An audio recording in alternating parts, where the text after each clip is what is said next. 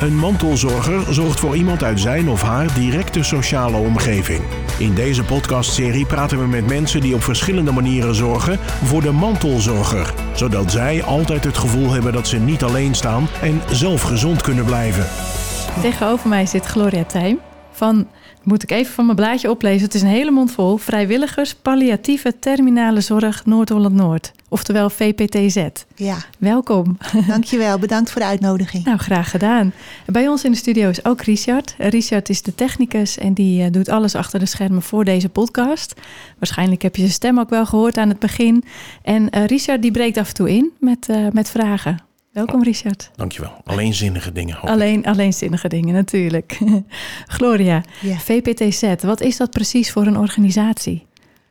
Ehm, VPTZ, VPTZ Nederland heb je en eh, wij zijn VPTZ Noord-Holland-Noord. Ja. Is dat voor de heel Noord-Holland-Noord, eh, Noord, Ja. zeg maar vanaf Zaandam? Alkmaar, nee, niet Zaandam. Het is Alkmaar, eh Herugewaard, Bergen, Langendijk, ehm, Schagen, Hollandskroon, Den Helder. West-Friesland zit daar niet bij. West-Friesland heeft een aparte VPTZ-organisatie. Ja. Ehm, even over VPTZ Noord-Holland-Noord. Het is altijd die afkorting inderdaad. Ja. Eh, de vrijwilligers palliatief terminale zorg. En wij zijn een thuissituatie. Dus onze vrijwilligers komen bij de mensen thuis. Die eh, in de laatste levensfase zijn. Ehm, En alleen thuis, niet in een zorginstelling? Jawel, thuis en ook in de eh, verzorgingshuis of Ja. verpleeghuis. En ook, we hebben ook vrijwilligers die bij Rijgersdaal, dus mensen met een beperking eh, komen. Ja. En hebben de- jullie dan ook een eigen locatie waar, eh, waar terminale zorg wordt geboden? Nee, hebben we niet. Nee. Kijk, dat, eh, ehm, de hospices die vallen ook onder, of heel veel hospices vallen ook onder VPTZ.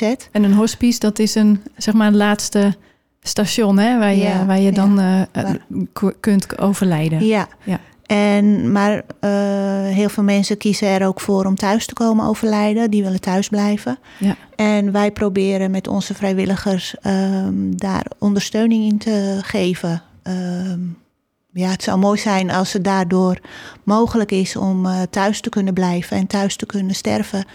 Dat gaat natuurlijk eh, niet zonder dus, de hulp van de thuiszorgorganisatie. Maar ehm, een vrijwilliger kan aanvullend zijn daarbij.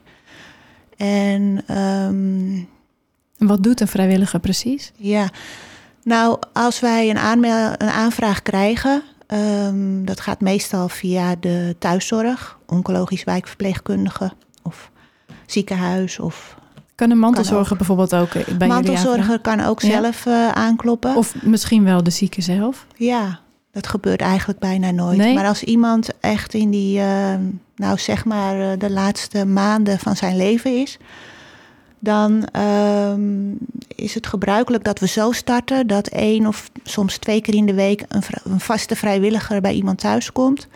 Zodat de mantelzorger, dat kan een partner zijn of dat kunnen kinderen zijn, dat die even een aantal uur voor zichzelf heeft. En ehm, even kan ontspannen, eh, iets voor zichzelf doen. Eh, Zijn jullie er dan altijd ter vervanging van de mantelzorger? ja, ja. Oké. Ja. En de vrijwilliger is er dan, ehm, doet geen medische handelingen. Het is echt puur om er te zijn. Ja. Eh, en zodat de mantelzorger weet, er is iemand bij mijn dierbare. Eh, ik kan nu gewoon een paar uurtjes weggaan. En ik hoef niet op mijn horloge te kijken. En, en die mantelzorger die dan een paar uurtjes weggaat. Hè? Stel dat het een, een, een kind is van bijvoorbeeld je, een van je ouders ligt op Mhm. sterven. Ehm, zijn die er dan in die periode al 24 uur per dag bij? Dat ze dan even weg moeten? Nee, ze moeten niet hoor. Ze nee, niet sorry, dat is ook verkeerde wo- Weet woordkeuze. je, soms maar- heb je... ehm, ja, dat kan dat kinderen wel al 24 uur eh, bij hun oude, vader of moeder zijn. Dat, dan is het echt het laatste stuk, dat iemand niet meer alleen kan zijn. Nou, ik kan me ook voorstellen dat je als mantelzorger de angst hebt dat je weg bent eh, op het moment dat je dierbare overlijdt. Ja, dat is, dat, maar dan, dat is echt het laatste stukje. Hè? Ja, En dat komt wel eens voor dat vrijwilligers dan nog steeds eh, ingezet worden. En dat is ook wel eens voorgekomen dat iemand dan komt te overlijden. En, ehm, maar de vrijwilliger die kent wel de tekenen. Dat die denkt van nou, dit gaat echt niet lang meer duren. Ja, Eh, ik ga nu eh, bellen dat Ja. ze, hij of zij eh, of de kinderen eh, maar moeten komen. ja, Dus dat is het mooiste, want we willen natuurlijk altijd het liefst dat eh, familie erbij is. En, ehm, maar vaak in dat allerlaatste stukje eh, zegt de familie ook, we gaan niet meer weg. We blijven nu bij onze vader of moeder. Of, Ja. of een mantelzorger zegt, ik blijf bij mijn partner. Ja. En dan trekt de vrijwilliger zich meestal terug. ja. Ja. En nog even terug op wat die, wat die vrijwilliger dan doet. Hè. Zijn het altijd vaste dingen of is het in overleg met?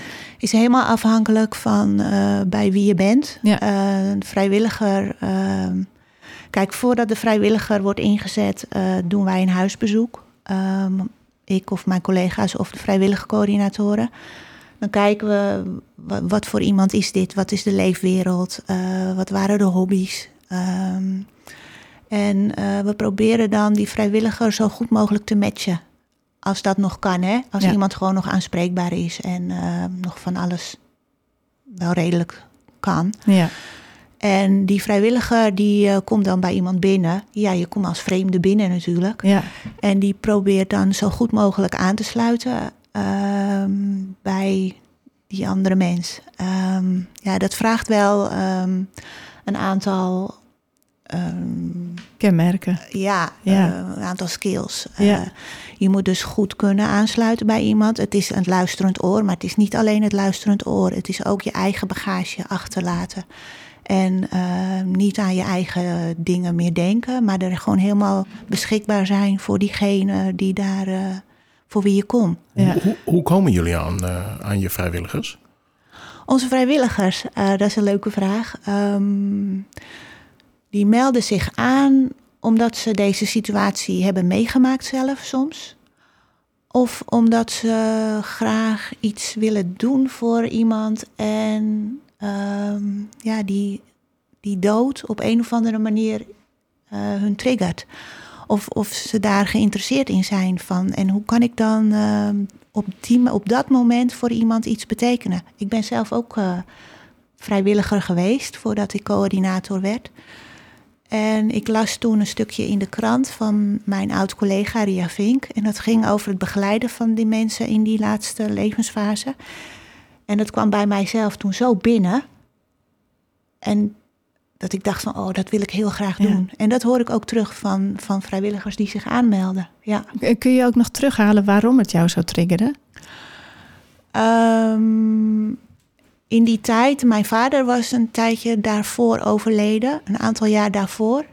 En ik heb dat stervensproces heel bewust meegemaakt. Ik was ook erbij toen hij eh, daadwerkelijk stierf. En ehm, ik ben toen wel geïnteresseerd geraakt in de dood. En, Ja. en, en wat is dat nou? En, eh, dus ik, ik ben dingen gaan doen. ehm, cursussen gaan volgen, eh, intuïtieve ontwikkeling. En dus toen ik dat artikel las, toen kwam dat zo bij me binnen. Ja. Echt recht. eh, leek wel of het recht in mijn hart binnenkwam. Ja. Dat ik dacht van ja, dat, dat wil ik doen. Maar ik kwam helemaal niet uit de zorg. Dus ik dacht, dat kan ik helemaal niet. Ja, En, ehm, maar ja, het bleef wel bij me hangen. ja, En een half jaar later heb ik toch maar gebeld met eh, Humanitas, met Ria. En eh, me opgegeven voor de introductietraining. ja. En Humanitas was hiervoor dan, of eh, VPTZ was hiervoor van Huma- bij Humanitas? Nee, VPTZ.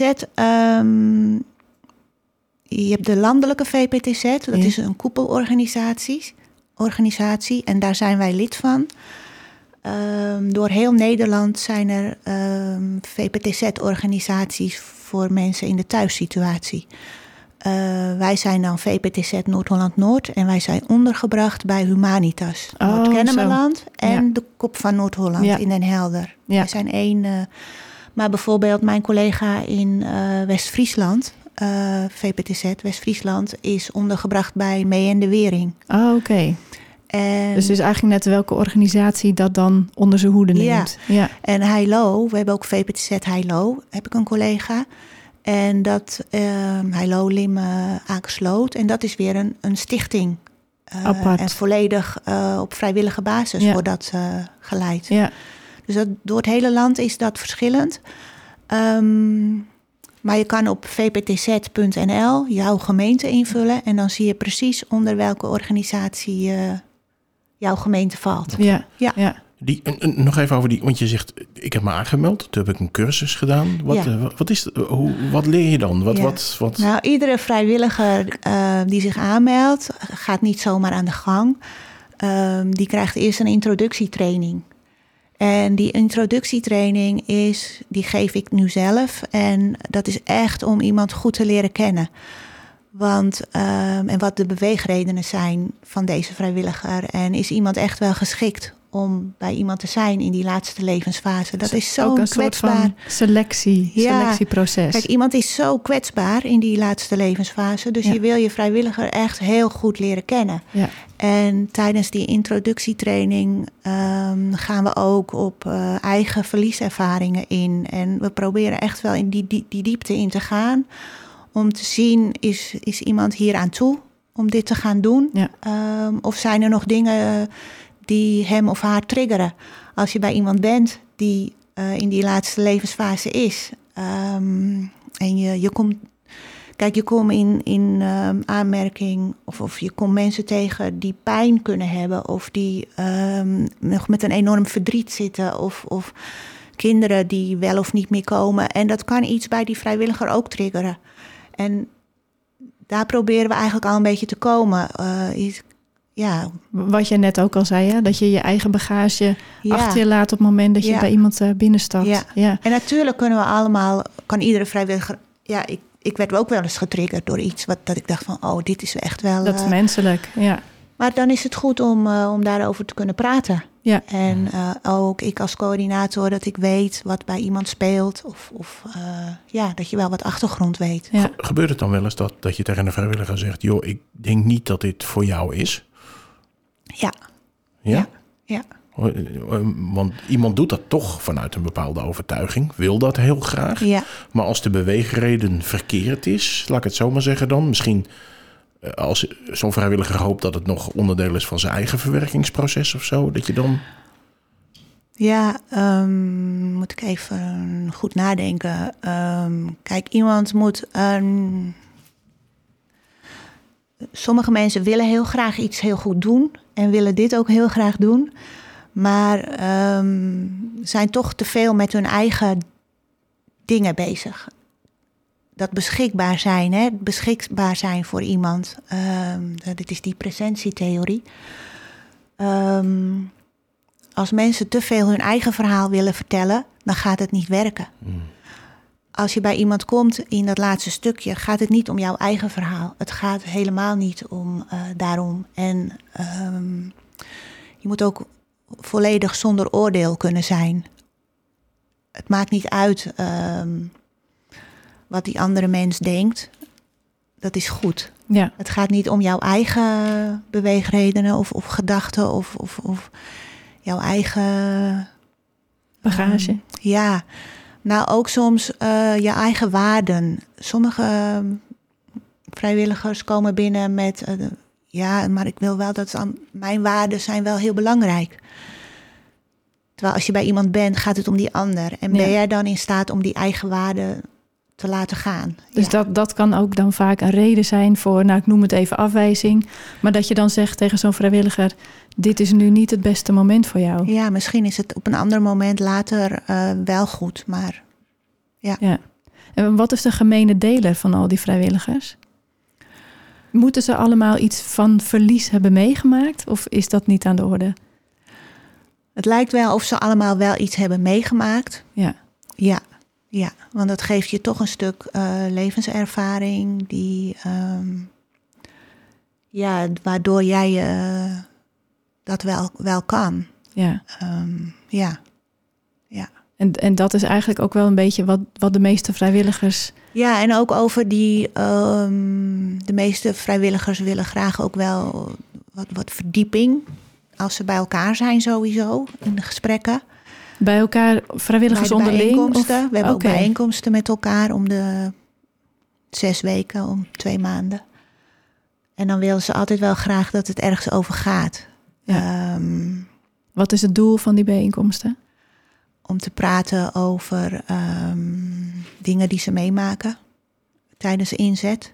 Maar ook om over bepaalde thema's te praten. Ja. Ehm, euthanasie. Communicatie. We hebben het ook wel gehad over geweldloze communicatie. Ehm, Wat, ja. wat is dat precies, geweldloze communicatie? Nou, ehm, wat is dat precies? Ehm, hoe je reageert op als iemand jou afwijst bijvoorbeeld, of als iemand eh, boos is op je. Hoe je daarop reageert. En dus niet meteen in de aanval, maar ehm, even kijken wat gebeurt er nu en wat doet dit met mij? Ja. En ehm, waarom, eh, hoe kan ik het ombuigen naar iets weer opbouwends? Ja. ja. ja. Komt dat veel voor? Nee hoor, nee hoor, ik noem nu gewoon een onderwerp wat, ik, wat we gewoon leuk vonden om een keer te behandelen. Maar niet omdat wij. Eh, eh, dat heel veel meemaken. Nee, nee nee nee nee, nee, nee, Nee. Wat, wat maak je wel veel mee als vrijwilliger? Heel veel dankbaarheid. Ja, van de, van de naaste. Ja, Ehm, weet je, als een vrijwilliger komt, dan ehm, eh, hoeft de partner of de naaste hoeft niet te, steeds te vragen. Als je een vrijwilliger hebt ingeschakeld, die komt gewoon iedere week, op een vaste middag. En ehm, dat is gewoon een vast gegeven. En je hoort gewoon vaak dat eh, als een buren of, of kennissen of vrienden willen ook wel iets doen, maar dan moet je steeds vragen als partner. Ja. En daar voel- voelen ze zich vaak bezwaard. En het voordeel van zo'n vrijwilliger is, eh, die ken je op een gegeven moment. En je weet gewoon dat die op die vaste dag komt. ja. En eh, Is, is dat bij iedereen één keer in de week? nee hoor, kan ook meerdere keren in de week zijn. Of soms één keer in de twee weken als iemand nog niet, eh, of als dat nog niet elke week nodig is. Eh, maar we, vaak starten we wel op met een, midden, een dagdeel in de week. Ja, Ja, maar als het al, al wat verder is, ehm, we worden ook wel eens vrij laat ingeschakeld. Ehm, dan zijn we er ook wel eens een middag en een, en een, en een, en een avond bijvoorbeeld. ja. Of dat we een aantal vrijwilligers achter elkaar ergens inzetten. Ja, Ja, want dat vroeg ik me ook af. Als je bijvoorbeeld als vrijwilliger op vakantie gaat, dan kan je natuurlijk ook niet zomaar zeggen: nu Nee. stop ik het proces. Hoe, hoe werkt dat dan? vrijwilligers gaan allemaal op vakantie. Gelukkig wel. En dat, dat is natuurlijk goed. En eh, in veel gevallen ehm, wordt wel aangeboden van... eh, zal ik vragen of een andere vrijwilliger eh, beschikbaar is. Maar in de meeste gevallen is er al zo'n band opgebouwd... dat iemand zegt van nou die twee weken of die drie weken... eh, laat ik het gewoon even gaan en kom gewoon weer als, het, als je weer terug bent. Ja. Dat is meestal zo, Ja. ja. ja, want ik kan me voorstellen dat als je als vrijwilliger zo'n project of zo'n traject ingaat, je weet natuurlijk ook niet precies wanneer het stopt. Nee. Nee. Kijk, wij eh, hebben wel. ehm, we geven altijd aan, het is eh, maximaal drie tot zes maanden. Eh, als iemand die levensverwachting nog heeft, dan kunnen wij wat gaan doen. Ja. Maar het is natuurlijk ook wel eens zo dat iemand. dat het proces tot stilstand komt. En iemand toch weer wat beter wordt. En waardoor de inzet van zo'n vrijwilliger wel negen maanden of tot een jaar kan duren. Ja. Ja. En dan zeggen jullie niet tussentijds van nou we stappen er nu even uit en we pakken het weer op. eh, Dat kan, maar meestal doen we dat niet. Nee. Nee, nee. En Gaat het waarom gewoon niet? Door. en waarom gaat dat dan door? Omdat het toch wel erg gewaardeerd wordt dat iemand eh, blijft komen. Ja. Ja, ja. En misschien ook de continuïteit, kan ik me Continuïteit. voorstellen. Ja, je gaat niet stoppen. Nee. Eh, als je eenmaal eh, bij iemand bent en die band is goed, dan eh, is het ook de vrijwilliger die trouw wil blijven en eh, die gewoon door wil gaan als het aan beide kanten goed voelt. Ja. En eh, stel nou dat de persoon is overleden, Mhm. Ehm, komt die vrijwilliger dan ineens helemaal niet meer? Of is er een soort van afbouwperiode? Ehm, de vrijwilliger komt normaal gesproken, belt hij na een week of zes de nabestaanden op. Van zal ik nog een keertje langskomen? En meestal doen ze dat ook. Ja. Soms één keer voor een afrondend gesprek. ehm, en soms een aantal keer nog, na behoefte. Ja. Ja. ja, ik kan me Ja. ook voorstellen dat de familie daar dan ook wel behoefte aan Ja. heeft. Het is heel fijn, want iemand is soms heel eh, intensief eh, bij dat proces aanwezig geweest. En, en dan is het heel fijn als je nog even met elkaar kan praten. Ja. Ja. ja. Ja. En heeft zo'n vrijwilliger dan ook een soort van periode waarbij hij het kan afsluiten? Of is dan meteen alweer de volgende aan de beurt? Ehm, kijk, soms uh, als een inzet kort is geweest, dan, dan, dan uh, kan hij ook zo weer doorgaan. Um, als iemand langdurig bij iemand geweest is, een half jaar of, of negen maanden of een jaar, dan uh, is het voor de vrijwilliger ook belangrijk om het goed af te ronden. En soms uh, wordt die ook uitgenodigd bij de uitvaart.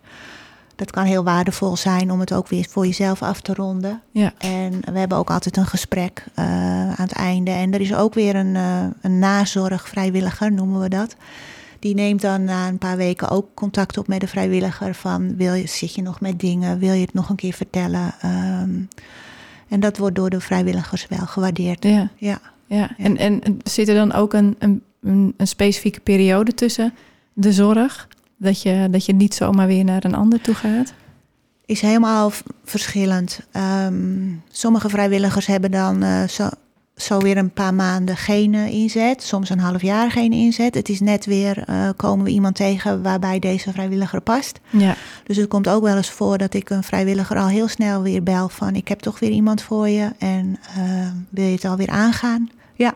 Oh ja dan, ja. dan leg je dat ook echt bij de vrijwilliger ja. zelf. Ja. Ja. jij bent zelf dus ook vrijwilliger geweest. Mm -hmm. Kan je nog iets herinneren van, van mooie momenten? Of dat je denkt van nou, dit staat me echt nog heel uh, helder voor de geest? Um, weet je, je zegt het ook zo, hè, mooie momenten. Sommige vrijwilligers verwachten ook echt dat ze hele mooie momenten mee gaan maken. En dat, dat komt ook voor, maar dat, dat komt soms ook gewoon niet voor. Um, Soms ook gewoon een beetje saai. Nou, weet je, soms. Um, ik herinner mijzelf een, een inzet die ik zelf deed. En dat was bij een mevrouw die alleen was. En um, die uh, wist dat ze ging sterven. En uh, duurde niet zo lang meer. Maar die was heel nuchter en heel praktisch. En um, dus als ik kwam, dronken we even kop thee. En dan ging ik met haar, dan ging zij in de rolstoel en dan gingen we even wat boodschappen halen bij een winkel dichtbij. En dan um, praten we nog wat na en dan vond ze het ook weer genoeg. En um, dat, ik wilde soms wel met haar verder in gesprek gaan, maar ik merkte gewoon dat zij dat niet wilde. Ja. Um, dus dan liet ik het ook gewoon zo. Ja. En uh, bij een andere inzet. Uh, dat was bij een echtpaar, een ouder echtpaar. En die mevrouw die wilde heel graag uh, iedere week britje. Dus ik kwam die middag en die, en die bij mevrouw, haar man. Was ze ziek of die nee, man was haar, ziek? haar man was uh, ernstig ziek. En um, die wilde gewoon heel graag rummikuppen. Want dat deden ze altijd heel veel samen. Dus uh, als ik die middag kwam, was ik echt wel een paar uur met hem aan het rummikuppen. Oh ja. en, dat vind je zelf ook leuk, rummikuppen? Nou, dat vind ik best leuk, een uurtje. maar hij wilde gewoon, gewoon het liefst gewoon drie uur rummikuppen. Ja. En dat heb ik ook gewoon gedaan. En, uh, maar ik zag gewoon aan, hij, hij, hij was geen, uh, geen, geen spraakzame man. Hij was vrij rustig, maar ik zag wel dat hij ervan genoot. Ja. En vooral als hij won, dan kwam die glimlach op zijn gezicht. Ja. Hij was natuurlijk veel beter dan ik. Ja. Maar um, dus ik heb heel veel middagen met hem gerummikupt. Ja. En de laatste middagen lukte dat niet meer zo goed. Werd hij, uh, um, ja, kon hij dat niet meer zo goed opbrengen. Dus toen was ik veel meer gewoon in stilte bij hem. Ja. En de laatste keer, dat weet ik nog. Ik wist toen nog niet dat het de laatste keer was. Maar um, toen zat ik bij hem aan bed. En uh, ik heb hem echt nooit aangeraakt. Maar ik, ik heb toen wel even over zijn benen gestreken. Ja. Gewoon uit gevoel. Ja. En um, toen ik toen naar huis ging, toen zei hij voor het eerst, na vier maanden, zei hij dankjewel. Ah. En um, dat hoefde ik al, hoefde hij ook helemaal niet te zeggen hoor, maar dat zei hij die middag wel. En um, dat weekend daarna is hij overleden. Ja. En dat is dan toch wel een heel bijzondere inzet. Ja. Um, door die ene dankjewel. Ja, precies. Um, ja. Ja, ik, Ja. ik zou hier nog uren over door kunnen praten, Gloria. Mm. Maar helaas, de tijd is op. Is nou al op? Ja, dus ik wil je echt bedanken voor dit mooie gesprek. En uh, wil je nou meer weten over dit onderwerp? Ga dan naar onze website mantelzorgcentrum.nl. Bedankt voor het luisteren. Tot de volgende keer. Dit was Mantelzorger. En nu een samenwerking tussen Streekstad Centraal en het Mantelzorgcentrum. Meer informatie over mantelzorg is te vinden op mantelzorgcentrum.nl.